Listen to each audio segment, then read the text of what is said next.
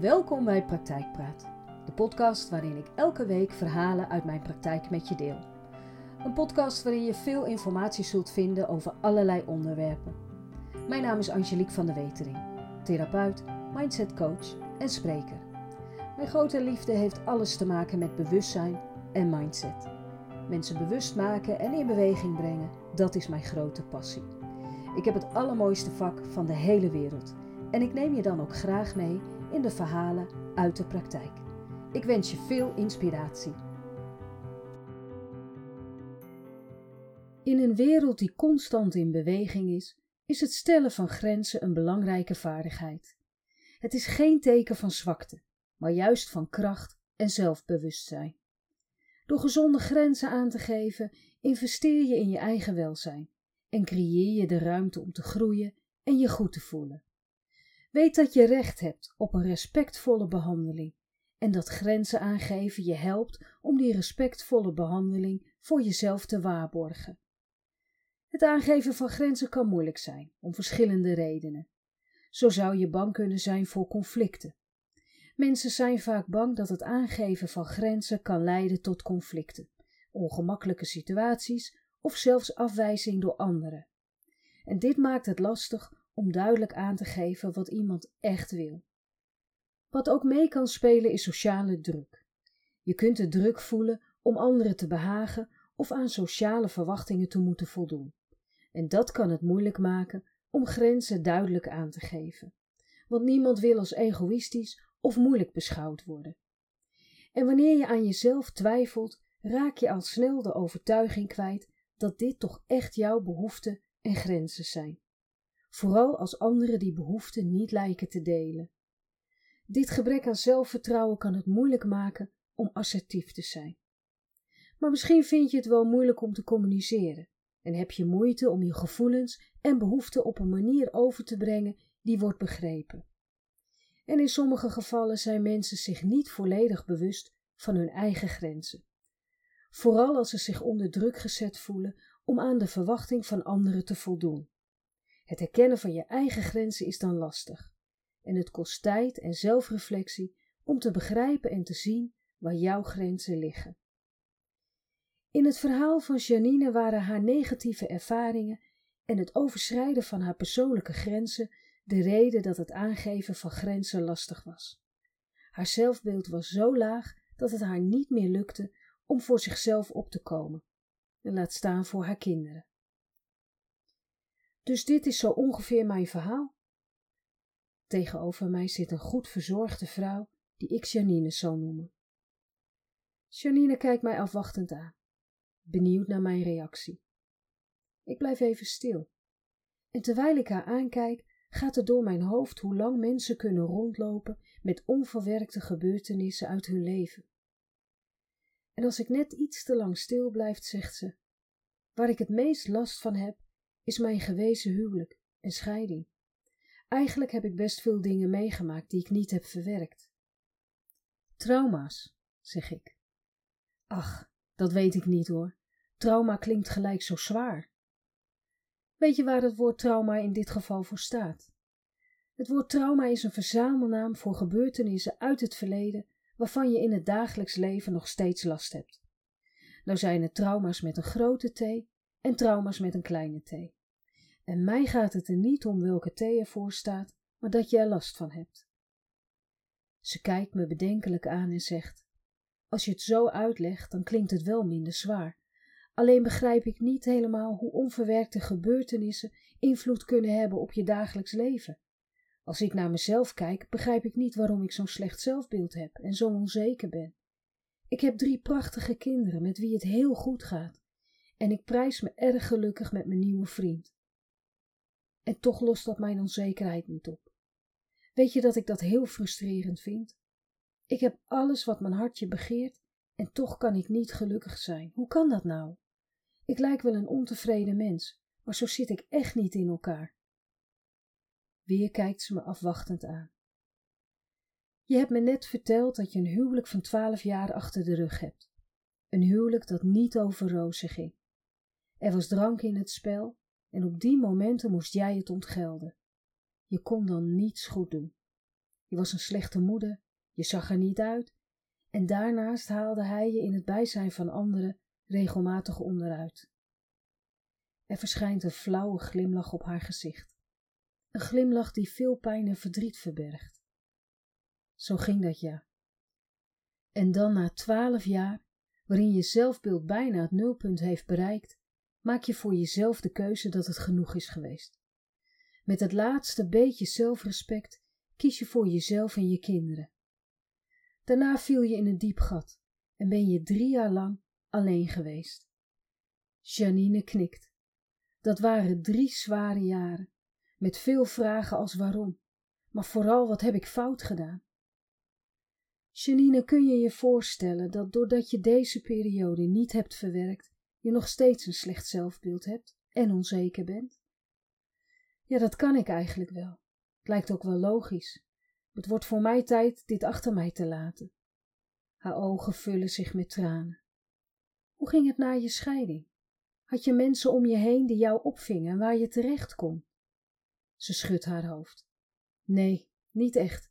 De vrienden die we hadden bleven tijdens het huwelijk steeds vaker weg. En ik kan het ze ook niet kwalijk nemen. Zo gezellig was hij niet. Hij had overal commentaar op en wist altijd alles beter. En je familie? Weer schudt ze haar hoofd. Ik heb niet zo'n goede band met mijn moeder. Ik doe het nooit goed in haar ogen en ze is alleen maar negatief, over alles. Ze heeft altijd overal een antwoord op en het ligt nooit aan haar. Ik kijk haar aan en knik. Waar herken je dat van? Ze haalt haar schouders op en zegt: Mijn ex, hij was eigenlijk net zo. Geef je naar je moeder wel eens je grens aan.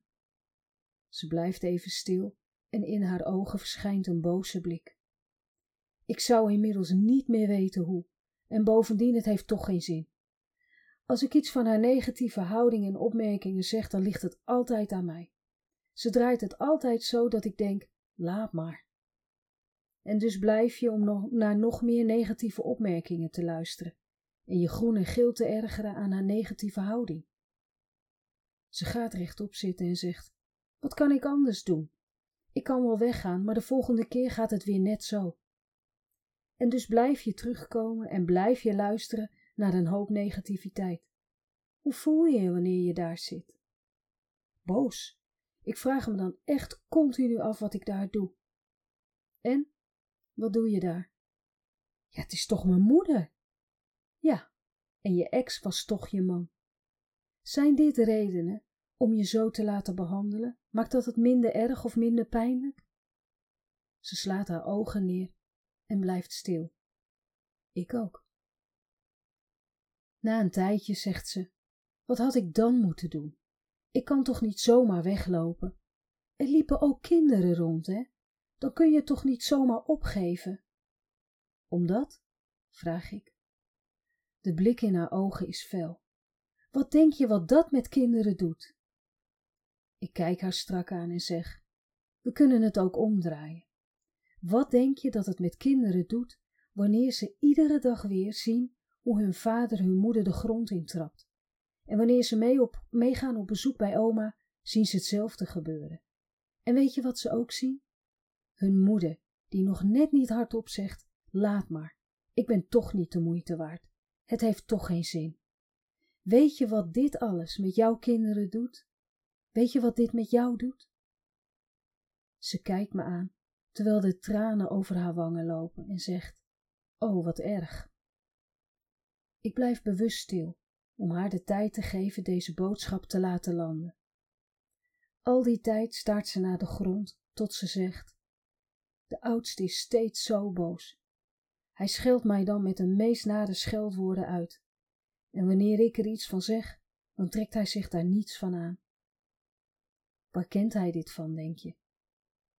Ik kijk naar haar en zie dat ze overvallen wordt door een storm aan emoties. Ik sta op en schenk een glaasje water voor haar in. Ze kijkt me met een verdrietige blik aan. De middelste gaat zich net zo gedragen, terwijl de jongste alleen maar huilt en aan mijn been hangt. Weet je nog dat je in het begin van ons gesprek vertelde dat het heel erg goed gaat met je kinderen? Ze krijgt een kleur en zegt: Ik wil graag dat anderen dat geloven. En ik zelf eigenlijk ook. Ze ontwijkt mijn blik terwijl ze de tranen van haar wangen veegt. Janine, wanneer kinderen op deze manier opgroeien, dan gaan ze denken dat het normaal is. Ze krijgen dit voorbeeld van hun vader en hun moeder accepteert alles. Dus wat doe je als puberjongen wanneer je je zin niet krijgt of wanneer iets niet gaat zoals je wilt?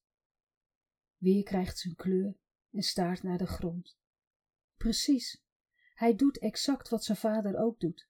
Dat is blijkbaar heel normaal en het werkt ook nog eens. Maar hij is precies zijn vader.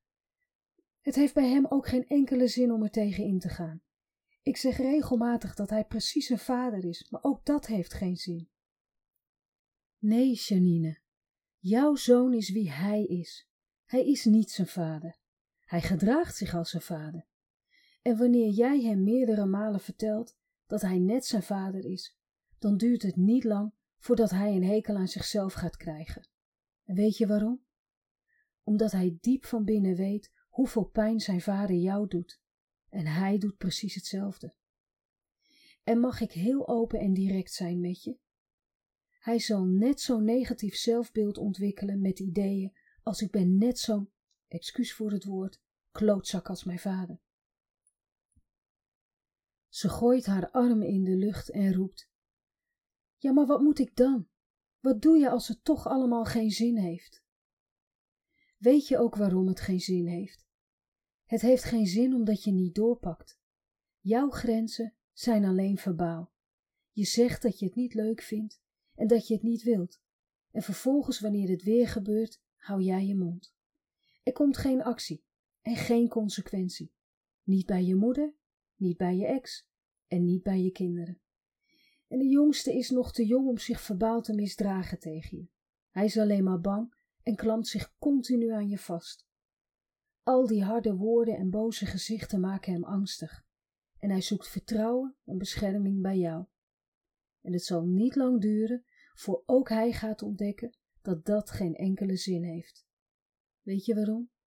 Omdat zijn moeder zichzelf niet kan beschermen en omdat zijn moeder zichzelf niet het vertrouwen kan geven dat ze het aan kan om haar grenzen duidelijk aan te geven en zich daarnaar te gedragen. Dat is waarom. En nu denk je misschien dat het allemaal te laat is en dat er niets meer aan te doen is, dat je het al verpest hebt. Ze knikt zachtjes. Het is allemaal mijn schuld. Nee, Janine, het is niet allemaal jouw schuld. Alleen is deze manier van denken wel onderdeel van het probleem. Als jij niet voor jezelf kunt opkomen, hoe ga jij je kinderen dat dan leren? Hoe leer jij je kinderen wat respect is wanneer je zo over je eigen grenzen laat gaan? En hoe help je je kinderen met het opbouwen van een positief zelfbeeld en zelfvertrouwen, wanneer jij ze niet kunt beschermen en kunt laten zien wat zelfrespect is? Haar aandacht is gevangen en ze kijkt me met een strakke blik aan. Hoe kan ik dat leren? Hoe moet ik dat doen? Ik glimlach en bewonder haar incasseringsvermogen. Dit alles, Janine, begint bij jezelf. Wanneer jij jezelf respecteert, zul je het niet toestaan wanneer mensen over je grenzen gaan. Zul je niet meer kiezen voor mensen die jou klein willen houden om zichzelf zo groter en beter te voelen. En zul je beter voor jezelf zorgen en keuzes maken die goed zijn voor jou. Ze knikt. Hoe? Ik geef je een aantal vragen mee, waarvan ik wil dat je erover na gaat denken en wanneer je er goed over nagedacht hebt, geef je er antwoord op. En dan komen we daar samen de volgende keer op terug. Janine pakt haar telefoon om de vragen te noteren. De verandering in haar houding is er een waarvan ik hoop dat het blijft. Ik kijk haar aan en ze knikt. Hoe denk je over jezelf? Omschrijf dit. Wat zijn je sterke punten? Waar ben je trots op? Hoe kun je je zelfvertrouwen en zelfbeeld versterken? Wie en hoe zou je willen zijn? Neem hier de tijd voor. En wanneer je deze vragen hebt beantwoord, ga je nadenken en opschrijven waar voortaan je grenzen liggen. Wat ga je niet meer accepteren en waarom. En als laatste, maak afspraken met de kinderen. Geef grenzen aan en vertel duidelijk wat, ze, wat je van ze verwacht en wat ze van jou kunnen verwachten. Wanneer ze niet veel later naar huis gaat, kijk ik haar na. Haar schouders zijn gebogen. Grenzen aangeven, grenzen bewaken. Om dat te kunnen doen, zul je eerst moeten weten waar je grenzen liggen en waarom ze daar liggen. Waarom zijn grenzen belangrijk? Grenzen zijn de emotionele, fysieke en mentale lijnen die aangeven waar jij eindigt en anderen beginnen. Ze helpen je je eigen behoeften, waarden en prioriteiten te beschermen. Grenzen aangeven betekent dat we duidelijk aangeven wat we wel en niet kunnen accepteren, wat we wel en niet kunnen doen, en wat onze persoonlijke ruimte en waarden zijn. Dit heeft directe invloed op ons emotionele, mentale en zelfs fysieke welzijn. Ik geef je vijf redenen waarom grenzen zo belangrijk zijn. De eerste heeft te maken met zelfbewustzijn. Wees zelfbewust. Neem de tijd om te begrijpen wat je echt wilt en nodig hebt. Reflecteer op je fysieke, emotionele en mentale grenzen. Op nummer 2 staat zelfzorg. Het aangeven van grenzen stelt ons in staat om tijd en ruimte te reserveren voor zelfzorg. Goed zorgen voor jezelf. De tijd en ruimte om dingen te doen waar we gelukkig van worden en wat ons ontspant. Op nummer 3 staat grenzen aangeven vermindert stress. Wanneer we constant over onze eigen grenzen gaan, dan kan dit leiden tot overbelasting en stress. En het duidelijk stellen van grenzen helpt ons om stress te verminderen en een gevoel van controle te behouden. En dan op nummer 4 betere relaties. Grenzen aangeven is nodig om gezonde relaties op te bouwen. Het helpt anderen te begrijpen wat we nodig hebben en het voorkomt dat we vastkomen te zitten in situaties die ons ongemakkelijk maken. En dan als laatste, zelfrespect. Het aangeven van grenzen is een daad van zelfrespect. Het laat zien dat we onze eigen behoeften serieus nemen en onszelf waarderen. Het aangeven van grenzen dwingt anderen om jou en je behoeften te respecteren. Het bevordert gezonde relaties gebaseerd op wederzijds begrip. Ik heb een paar praktische tips die je kunnen helpen om je grenzen beter aan te geven. Weet wat je wilt. Voordat je je grenzen kunt aangeven, is het belangrijk om te begrijpen wat je wilt en nodig hebt. Neem de tijd om na te denken over je eigen behoeften en prioriteiten. Communiceer duidelijk. Wees duidelijk en direct wanneer je je grenzen aangeeft. Gebruik duidelijke taal en vermijd vaagheid. Zeg nee wanneer nodig. Het is prima om nee te zeggen als iets niet bijdraagt aan je welzijn of als je er gewoonweg geen tijd voor hebt. Luister naar je intuïtie. Als iets niet goed voelt, negeer dit gevoel dan niet. Je intuïtie kan een waardevolle gids zijn bij het aangeven van je grenzen. En wees consistent. Het is belangrijk om consequent te zijn in het aangeven van je grenzen. Anderen zullen leren dat je serieus bent en je grenzen respecteren. En laat schuldgevoelens los. Het is normaal om je soms schuldig te voelen wanneer je je grenzen aangeeft, maar onthoud dat je recht hebt op je eigen tijd en ruimte. We gaan terug naar het verhaal van Janine. Wanneer Janine een paar weken later tegenover mij zit, kan ik mijn verbazing niet voor mij houden. Er zit een totaal andere vrouw tegenover mij. Haar haren vallen losjes over haar schouders en haar make-up geeft haar een zijdezachte glans. Haar ogen hebben een open en nieuwsgierige blik. Ze kijkt me aan en vraagt: Wat denk je nu? Ik moet lachen, want dat is meestal een vraag die ik stel. Ik zie vooral dat er een verandering heeft plaatsgevonden, waardoor je je anders kleedt, opmaakt en beweegt. Je houding straalt nieuwsgierigheid uit en kracht. En ik moet je zeggen dat ik daar heel erg blij van word. Het proces heeft je duidelijk goed gedaan. Janine begint te vertellen hoe ze de eerste paar dagen en nachten alleen maar heeft kunnen huilen. Wat ze in de spiegel zag was zo confronterend dat ze even alle geloof en respect voor haarzelf kwijt was. Uiteindelijk was het haar oudste zoon die haar op zo'n manier confronteerde dat er iets in haar knapte. Hij wilde een weekend weg met een vriend. Dertien jaar is hij pas. En toen ik aangaf dat dat niet doorging, werd hij zo boos dat hij mij een map wilde verkopen. Ik weet niet wat er toen gebeurde, maar er knapte iets in mij. Er kwam zo ongelooflijk veel boosheid in mij naar boven dat ik er ijskoud van werd. Ik heb hem toen verteld wat ik ervan vond en van hem verwachtte. En wanneer hij zich daar niet aan zou houden, dan zaten daar consequenties aan vast, die ik zeker zou nakomen. Mijn kracht en de manier waarop ik mijn woorden uitte hebben hem zo laten schrikken dat hij vreselijk moest huilen. Even heb ik me heel schuldig gevoeld. Alleen het gevoel dat ik nu moest doorpakken was sterker. We hebben goed gepraat en konden duidelijke afspraken maken. Vanaf dat moment voel ik iets in mij dat maar niet weggaat, maar waarvan ik wel weet dat het bij me hoort. Het is een bepaalde kracht die mij vertelt dat ik sterker ben dan zij mij wilde laten geloven. Ik kan het niet meer overdoen. En geloof me, voor mijn kinderen had ik het echt gedaan. Ze kijkt me met grote ogen aan. Heel even zie ik een verdrietige glans. Maar wat ik wel kan, is het vanaf nu allemaal anders doen. Het gaat mij eigenlijk heel goed af. De vragen en de antwoorden lees ik iedere dag door. En wanneer ik me iets minder sterk voel, meerdere keren. Ik lees dan weer wie ik wil zijn, waar ik goed in ben.